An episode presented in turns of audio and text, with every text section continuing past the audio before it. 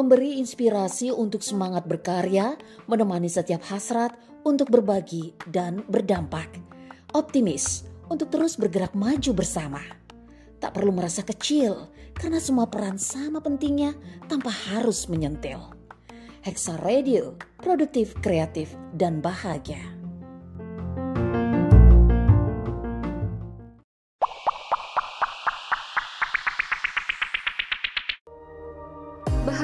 Obrolan yang seru tentang berbagai macam topik tentang hidup dan juga segala hal yang terjadi di sekitar kita.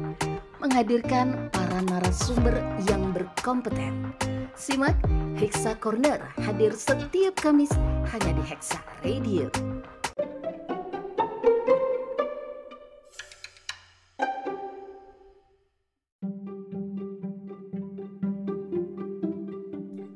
Assalamualaikum warahmatullahi wabarakatuh. Apa kabarnya hari ini sahabat Hexa? Bagaimana juga cuaca di tempat sahabat Hexa semuanya? Mudah-mudahan selalu cerah ya. Tak terasa kini kita sudah memasuki pekan kedua di bulan Januari. Baru-baru ini kita mendengar kabar duka akan adanya musibah yang dialami oleh penumpang pesawat Sriwijaya Air penerbangan Jakarta Pontianak. Kami dari segenap tim Hexa Radio mengucapkan bela sungkawa dan duka cita yang sedalam-dalamnya atas kejadian tersebut. Semoga bagi keluarga yang ditinggalkan diberikan kesabaran dan ketabahan dalam menjalaninya. Nah, kali ini Hexa Corner akan membahas tentang salah satu hobi atau passion yang digeluti oleh beberapa orang. Saya sendiri ini termasuk salah satu nih yang suka sekali menjalaninya, yaitu traveling atau bepergian. Buat sebagian orang, traveling itu menjadi salah satu pekerjaan yang menyenangkan. Buat beberapa orang lainnya, traveling menjadi salah satu sarana pelepas lelah atau pemantik semangat dikala liburan tiba. Nah, bagaimana dengan sahabat Hexa? Apakah kalian juga suka jalan-jalan saat liburan tiba? Kini bersama saya telah hadir tiga orang narasumber, mahasiswa Bunda Produktif Institut Ibu Profesional yang berasal dari co-hosting gabungan, di antaranya adalah traveling. Pertama ada Mbak Fitri Hantrini atau biasa disapa Mbak Fitri. Beliau berasal dari Pontianak, Kalimantan Barat. Selanjutnya ada Mbak Dian Maranti atau biasa dipanggil Mbak Dian dari Depok, Jawa Barat. Dan yang berikutnya adalah Mbak Yulia Sukma atau biasa disebut dengan Mbak Yulia dari Surabaya. Halo Mbak Fitri, Mbak Dian, dan Mbak Yulia. Halo. Halo. Apa kabarnya nih Mbak semuanya? Alhamdulillah baik Mbak. Alhamdulillah. Alhamdulillah baik, sehat ya. sehat. Alhamdulillah. Mulai memasuki tahun 2021 ya Mbak kita ya. Iya Iya. betul Mbak. Tuh, Nah, eh, saya pertama ke Mbak Fitri dulu nih. Mbak Fitri kan ini hobi backpackeran dari zaman kuliah ya Mbak ya? Iya bener bener banget waktu kuliah di Jogja dulu. Oh, nah katanya pernah kemalingan saat ketiduran di bus. Ya Mbak ya, waktu pas lagi traveling itu. Iya jadi itu bisa waktu diceritakan nggak Mbak? eh, jadi waktu itu aku waktu solo backpacker dari apa dari Bangkok mau menuju ke Phuket, terus eh, pakai Hmm. bis malam jadi nginap di lantai dua jadi bis itu eh, dua lantai, terus tasnya itu aku simpan di bawah nggak kepikiran juga karena udah dikunci kan, terus uangnya udah aku simpen gitu kan, nah Ya. pas bangun tidur masih nggak nggak nyangka nyangkanya itu pas mau bayar di hotel di resepsionis ternyata uangku itu di disisain dia 10 ringgit 10 dolar 10 bat kayak gitu. Jadi disisainnya dikit. Syukur bawa ATM nah semenjak itu jadi aku eh, tidak mau ngambil uang banyak tapi aku kalau butuh uang aku mendingan tarik tunai di ATM negara tersebut kayak gitu Hmm, gitu. Berarti waktu itu di Bangkok ya kejadiannya ya? Berarti di luar negeri ya? iya betul betul Oh gitu ya. Kalau Mbak Nurul gimana nih? Mbak Nurul kan pengalamannya ini ikut suami ya uh, kuliah di New Zealand selama tiga setengah tahun. Nah itu pernah pengalaman yang terkait eh, keamanan, kenyamanan saat bepergian nggak Mbak? Atau bisa diceritakan gimana travelingnya waktu itu di New Zealand? eh, saya bandinginnya sama yang di Indonesia ya. Kalau di New Zealand itu, kalau kita mau mau traveling di sana dari karena naik, naik naik pesawat. Nah di pesawatnya itu memang benar-benar dia aman ya, aman aman pesawatnya termasuk saya naik itu Air New Zealand. Air New Zealand itu termasuk eh, maskapai yang termasuk aman. Hmm. Di negaranya Air New Zealand. Oh, Air New Zealand Terus ya. juga di sana fasilitasnya, mm-mm, Air New Zealand, fasilitasnya juga banyak ya untuk untuk saya. Kebetulan saya bawa anak dua, Mm-mm. terus eh, di sana juga dibantu juga ki- kita dengan fasilitas yang di sana seperti ada stroller juga, terus juga kami masuk duluan ya. Kalau itu kami masuk duluan. Oh, gitu. Terus kalau yang saya traveling selama saya traveling di New Zealand itu saya ke beberapa daerah dari Wellington, Queenstown. Nah di sana itu kan karena sangat sepi ya Mbak ya, Iya. sepi sekali, benar-benar nggak ada orang sama sekali. Jadi yang sesuatu Iya, yang iya. berhubungan dengan safety, kalau misalnya perlu apa eh, polisi atau perlu ambulan itu perlu waktu satu jam. Jadi kita memang dibekali dengan seperti buku ya, buku buklet itu eh, untuk kalau misalnya perlu telepon perlu ke sini. Kalau setiap kita ke hotel atau ke mana, kita pasti dikasih dikasih informasi seperti itu gitu. Hmm, Kalau ada apa-apa, kamu akan telepon ini. Ya, Lengkap ATM ya. terdekat berapa lama? Lengkap. Di situ enak banget gitu. Kita lihat, uh seperti ini. Ya, tapi kalau soal keamanan itu saya di Indonesia kebetulan baru kemarin ke Kebun Raya Purwodadi, anak saya jatuh. Kebun Raya Jatuh. Purwodadi, anak saya jatuh. Nah, jatuh dari ini dari dari sepeda, jatuh dari Oh, sepeda. Itu saya mikir di tempat wisata jatuh dari sepeda, gimana dong ini caranya ya kan? Iya. Ya saya diem aja karena ya udahlah saya nggak bawa apa-apa. Ternyata di kebun raya Purwodadi itu eh, orang-orang yang di sana tuh cepet banget gerakannya. Terus mereka juga punya punya eh, link ya. Kalau misalnya perlu apa-apa mereka langsung ke rumah sakit itu iya dan penanganan pertama itu cepet. Dan saya sampai saya sebenarnya juga agak nggak yakin kok bisa ya gini. Gitu. Itu saya pengalaman saya pertama soal anak saya jatuh itu yang di Indonesia itu. Oh gitu. Berarti dua-duanya baik di luar negeri atau di Indonesia sama-sama penanganannya cepat ya, Mbak Nurul ya. Iya betul. Nah sekarang kita ada eh, yang berikutnya ada Mbak Dian nih, katanya tim Ransel ya. Udah ngebolang ke mana aja nih Mbak? Banyak sekali nih kayaknya nih Mbak Mbak Dian. belum banyak masih seputar Pulau Jawa paling jauh ke Makassar kalau dalam negeri luar Oh, negeri gitu. baru ke Hmm? Bangkok terus kema- bulan-bulan lalu ke Istanbul Oh lumayan ya Mbak ya. Nah sebagai tim Ransel nih pernah nggak eh, punya pengalaman yang berkaitan dengan keamanan saat traveling? so far sih alhamdulillah masih aman jaya lancar jaya Eh, cuman yang pengalaman menarik itu yang pertama waktu Lombok itu empat bulan setelah gempa besar di Lombok Hmm, itu sekitar bulan Desember empat bulan, empat bulan di Lombok Iya, gitu empat Mbak bulan. menetap. bukan maksudnya kita ke Lomboknya itu empat bulan setelah kejadian gempa besar di Lombok Oh empat bulan setelah gempa. jadi waktu ke daerah Senggigi itu masih terlihat eh, rumah-rumah yang hancur toko-toko ruko-ruko Iya iya. jadi iya. begitu sampai di daerah karena nginep di daerah di pinggiran pantai kan jadi yang pertama di apa namanya di survei itu adalah lokasi eh, evakuasi Oh ya ampun, yang Memang di survei. Iya iya, jadi iya. ilmu itu kepake di situ jadi. Jadi begitu datang kita ke mana exitnya, eh, bukit terdekat ke mana, jalur yang amannya Ya. ke mana, kalau terjadi misalnya ada gempa susulan atau apa karena pada selama empat bulan itu masih terjadi gempa-gempa susulan kan. Masih ada gempa-gempa kecil gitu ya ternyata. Ya, iya. Jadi harus eh, yang pertama dilihat adalah jalur evakuasinya ke mana. Kalau misalnya di gempa harus menghubungi siapa gitu ya Mbak ya. Yap. Oh gitu, oke.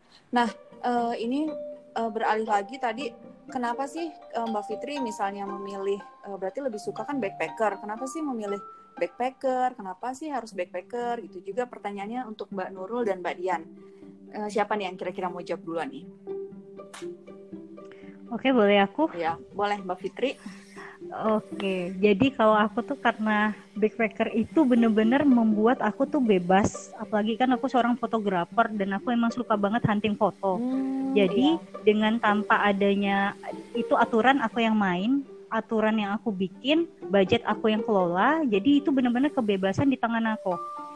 Jadi Oh, gitu. aku bisa ngerasa bebas Hmm. dan backpacker itu kita nggak ada batasan nggak ada batasan waktu kapan aja kita mau pergi Iya. kapan aja kita mau stay Oh. itu nyaman banget kayak gitu namun perlu banget diperhatikan kalau kita backpacker ini Iya. kita harus persiapan nih misalkan ternyata eh, aku harus menyiapkan asuransi dari Indonesia Iya. karena di luar negeri kan kita khawatir. Nah di situ aku harus mempelajari banget nih persiapan asuransinya bagaimana, cara pengklaimannya bagaimana, bagaimana kita mengakses rumah sakit jika kita terjadi hal-hal yang nggak diinginkan.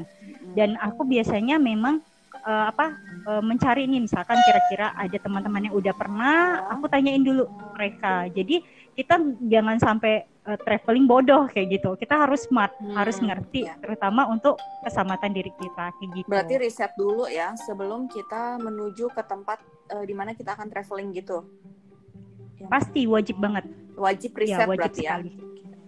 Iya wajib karena backpacker itu kita nyusun semua sendiri, tidak ada tanggung jawab siapa-siapa, itu diri kita bawa diri sendiri gitu kan. Hmm, oh. Ya harus harus tanggung jawab dong. Iya, iya. Pergi aman, pulang aman kayak gitu. Eh, Pak, waktu itu pernah solo backpacker apa biasanya selalu bareng-bareng, Mbak Fitri? Aku cenderung memang lebih suka solo. Jadi eh, saat ketemu di di mana, terus aku meet up sama siapa. Hmm. Kalau aku nggak cocok, aku split. Oh gitu. Kayak gitu. Jadi bebas ya, nggak ada Iya. ini ya. Tidak ada ikatan per- gitu ya. Iya, kecuali kok sama keluarga, ya itu pasti dari awal sama-sama pulang sama-sama kayak gitu. Iya ya. Oh, gitu. Kalau misalnya Mbak Nurul gimana nih? Tipe travelingnya lebih suka yang gimana? Saya sih juga suka backpacker ya, karena waktu di New Zealand itu juga eh, saya ikut komunitas backpacker di New Zealand. Alasannya sih simple sebenarnya, masalah biaya aja. Masalah biaya, terus juga sama seperti Mbak Fitri, lebih bebas kita menentukan kita mau ke mana, lebih bebas juga kita menentukan kita budgetnya berapa.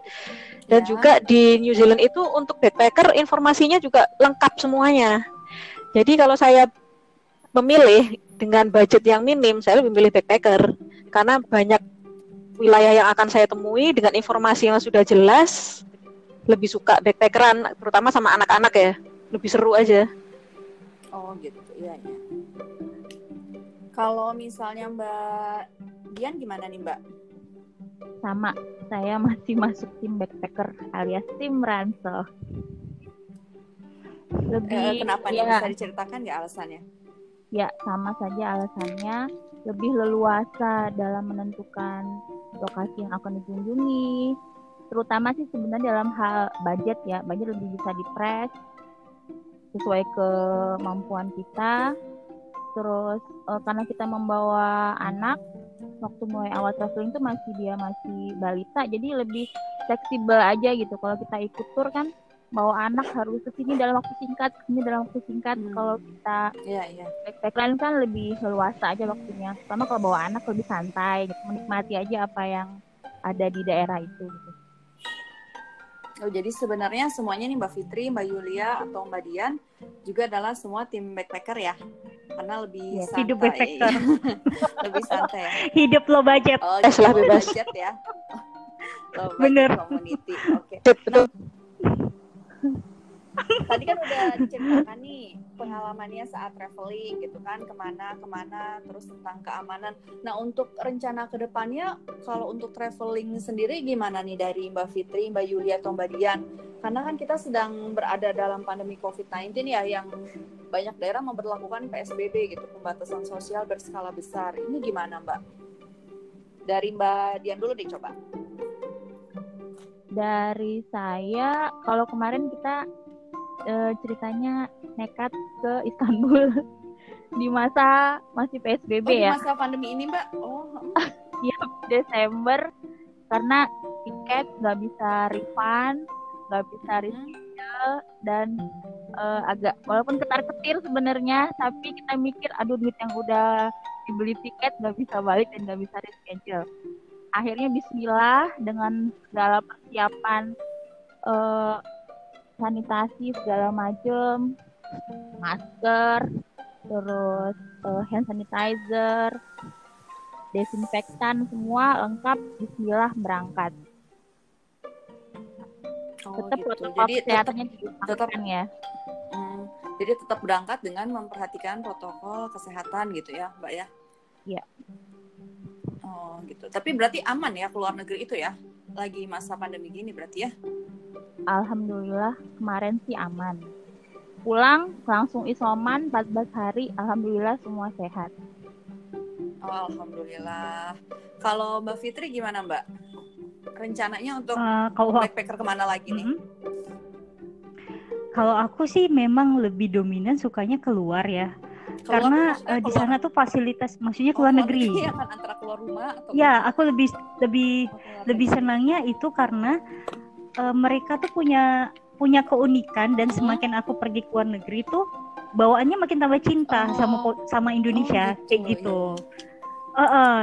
Terus waktu itu kalau aku boleh bagi pengalaman, Mhm. justru kalau Mbak Diannya berangkatnya kemarin Desember, Iya. kalau aku berangkatnya tepat pada saat berapa hari sebelum diumumkan COVID masuk Oh, Indonesia. Februari berarti ya? Tapi Malaysia sudah. Mm-mm, jadi Malaysia yang waktu itu aku share di jejak mana Kelana Hmm, Instagramnya.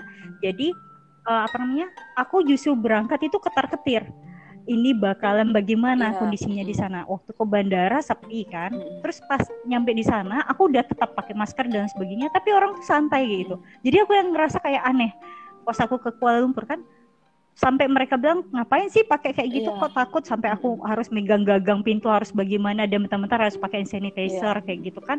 Eh, jadi em, meskipun orang lain aneh nggak usah perlu merasa alay nggak usah mer- merasa salah kalau kita tuh lebih melakukannya karena untuk keselamatan kita sendiri sama keselamatan orang lain juga. jadi bener-bener patuhi protokol kesehatan. Kok aku kayak gitu aku tetap pakai masker meskipun waktu itu belum membludak Iya. kan pakai masker tetap sana sini aku semprot dan lain sebagainya aku tetap harus safety kayak gitu Rencananya akan Oke, keluar lagi gitu, Mbak Fitri, dalam waktu-waktu dekat ini. Iya lagi nabung oh enggak enggak kalau misalnya dalam waktu dekat ini kalau keluar negeri nggak bisa karena sangat tidak aman dan mereka juga belum bisa nerima dari Indonesia juga kayak gitu kan nah kalau misalkan dari kalau di kota-kota yang terdekat kalau aku sih bener-bener masih agak khawatir sama hotel yang jika tingkat tingkat apa orang nginap di sana ramai jadi aku justru mungkin memilih untuk camping Hmm, camping ya sekarang. ya. karena aku bisa lebih Oh safety gitu. Iya, kayak gitu. Uh, dan itu bareng keluarga. Kalau Mbak Yulia gimana Mbak?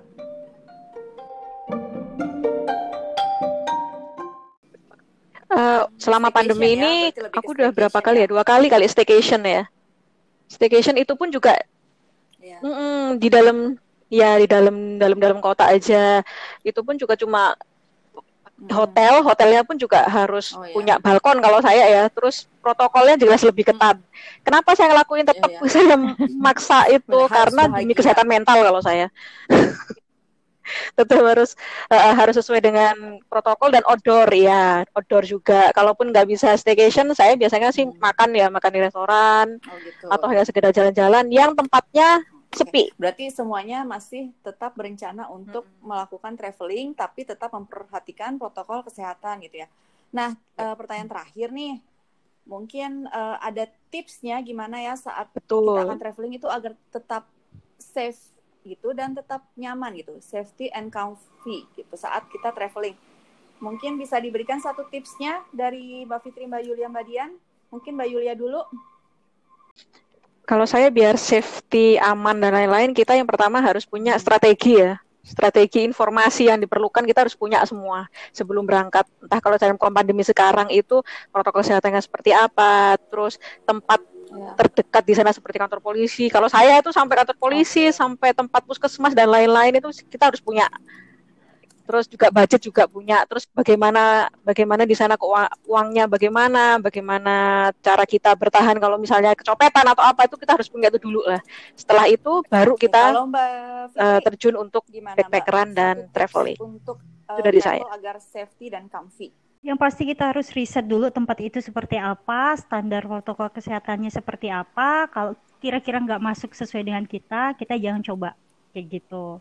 Terus kita harus eh, di pandemi kayak gini, kita mesti persiapan banget tadi fasilitas kesehatan terdekat. Oke, Itu penting sekali. harus Oke, dicek ya gitu. fasilitas kesehatannya. Dicek-cek tadi yang seperti Mbak Yulia ceritakan ya kantor polisinya di mana, rumah sakit di mana gitu ya. Betul. Kalau untuk Mbak Dian Betul mungkin ada tips lain Mbak? hampir sama secara umum. Tapi yang pasti kalau di masa pandemi selain prokes, info lengkap mengenai lokasi yang akan dikunjungi, juga kondisi badan harus disiapkan. Oh gitu ya. Berarti kondisi eh, diri kita sendiri ya, gimana kondisinya sebelum kita mulai traveling gitu ya? Harus fit. Iya, berarti kondisi badan harus fit ya Mbak Dian ya? Yap. Kalau gitu ini kita udah nggak terasa nih eh, Mbak-mbak semuanya sudah hampir 30 menit. Kita sudah sampai di penghujung acara Hexa Corner. Nah, em, kita kan kali ini berkaitan membicarakan berkaitan dengan traveling dan kenyamanannya. Oke, karena itu sudah tadi juga ada tips dan perbincangan kita kali ini. Oke, sahabat Hexa, gitulah perbincangan saya dengan tim makna jejak jejak makna kelana. Ada Mbak Fitri, Mbak Yulia, dan Mbak Dian. Tetap dengarkan Hexa Corner dengan episode yang selalu informatif dan menginspirasi. Dan sampai jumpa. Wassalamualaikum warahmatullahi wabarakatuh.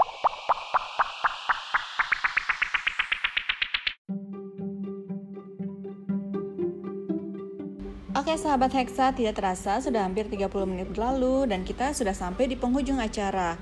Nah, itu tadi ada tips dan trik yang disampaikan oleh perwakilan dari jejak makna kelana berkaitan dengan traveling, khususnya dengan kenyamanan atau keselamatan, apalagi di saat pandemi kayak ini ya. Nah, sebelum ditutup, saya punya quotes menarik dari Tete Estererdik, yaitu seorang penulis. Gini quotesnya. Jika kamu mencari, maka kamu akan kehilangan. Jika tak ingin kehilangan, maka berhentilah mencari. Namun, manusia macam apa yang tidak ingin melakukan pencarian? Oke, sahabat Hexa, sekian acara Hexa Corner kali ini. Nantikan acara Hexa Corner berikutnya dengan episode-episode yang selalu informatif dan menginspirasi. Assalamualaikum warahmatullahi wabarakatuh. Terima kasih sahabat Teksa telah menyimak episode kali ini. Sampai bertemu di episode selanjutnya.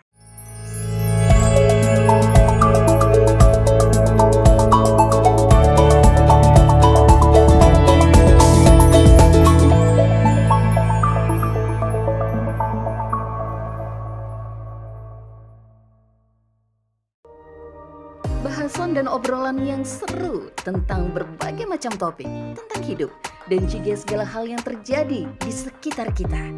Menghadirkan para narasumber yang berkompeten. Simak Hexa Corner hadir setiap Kamis hanya di Hexa Radio.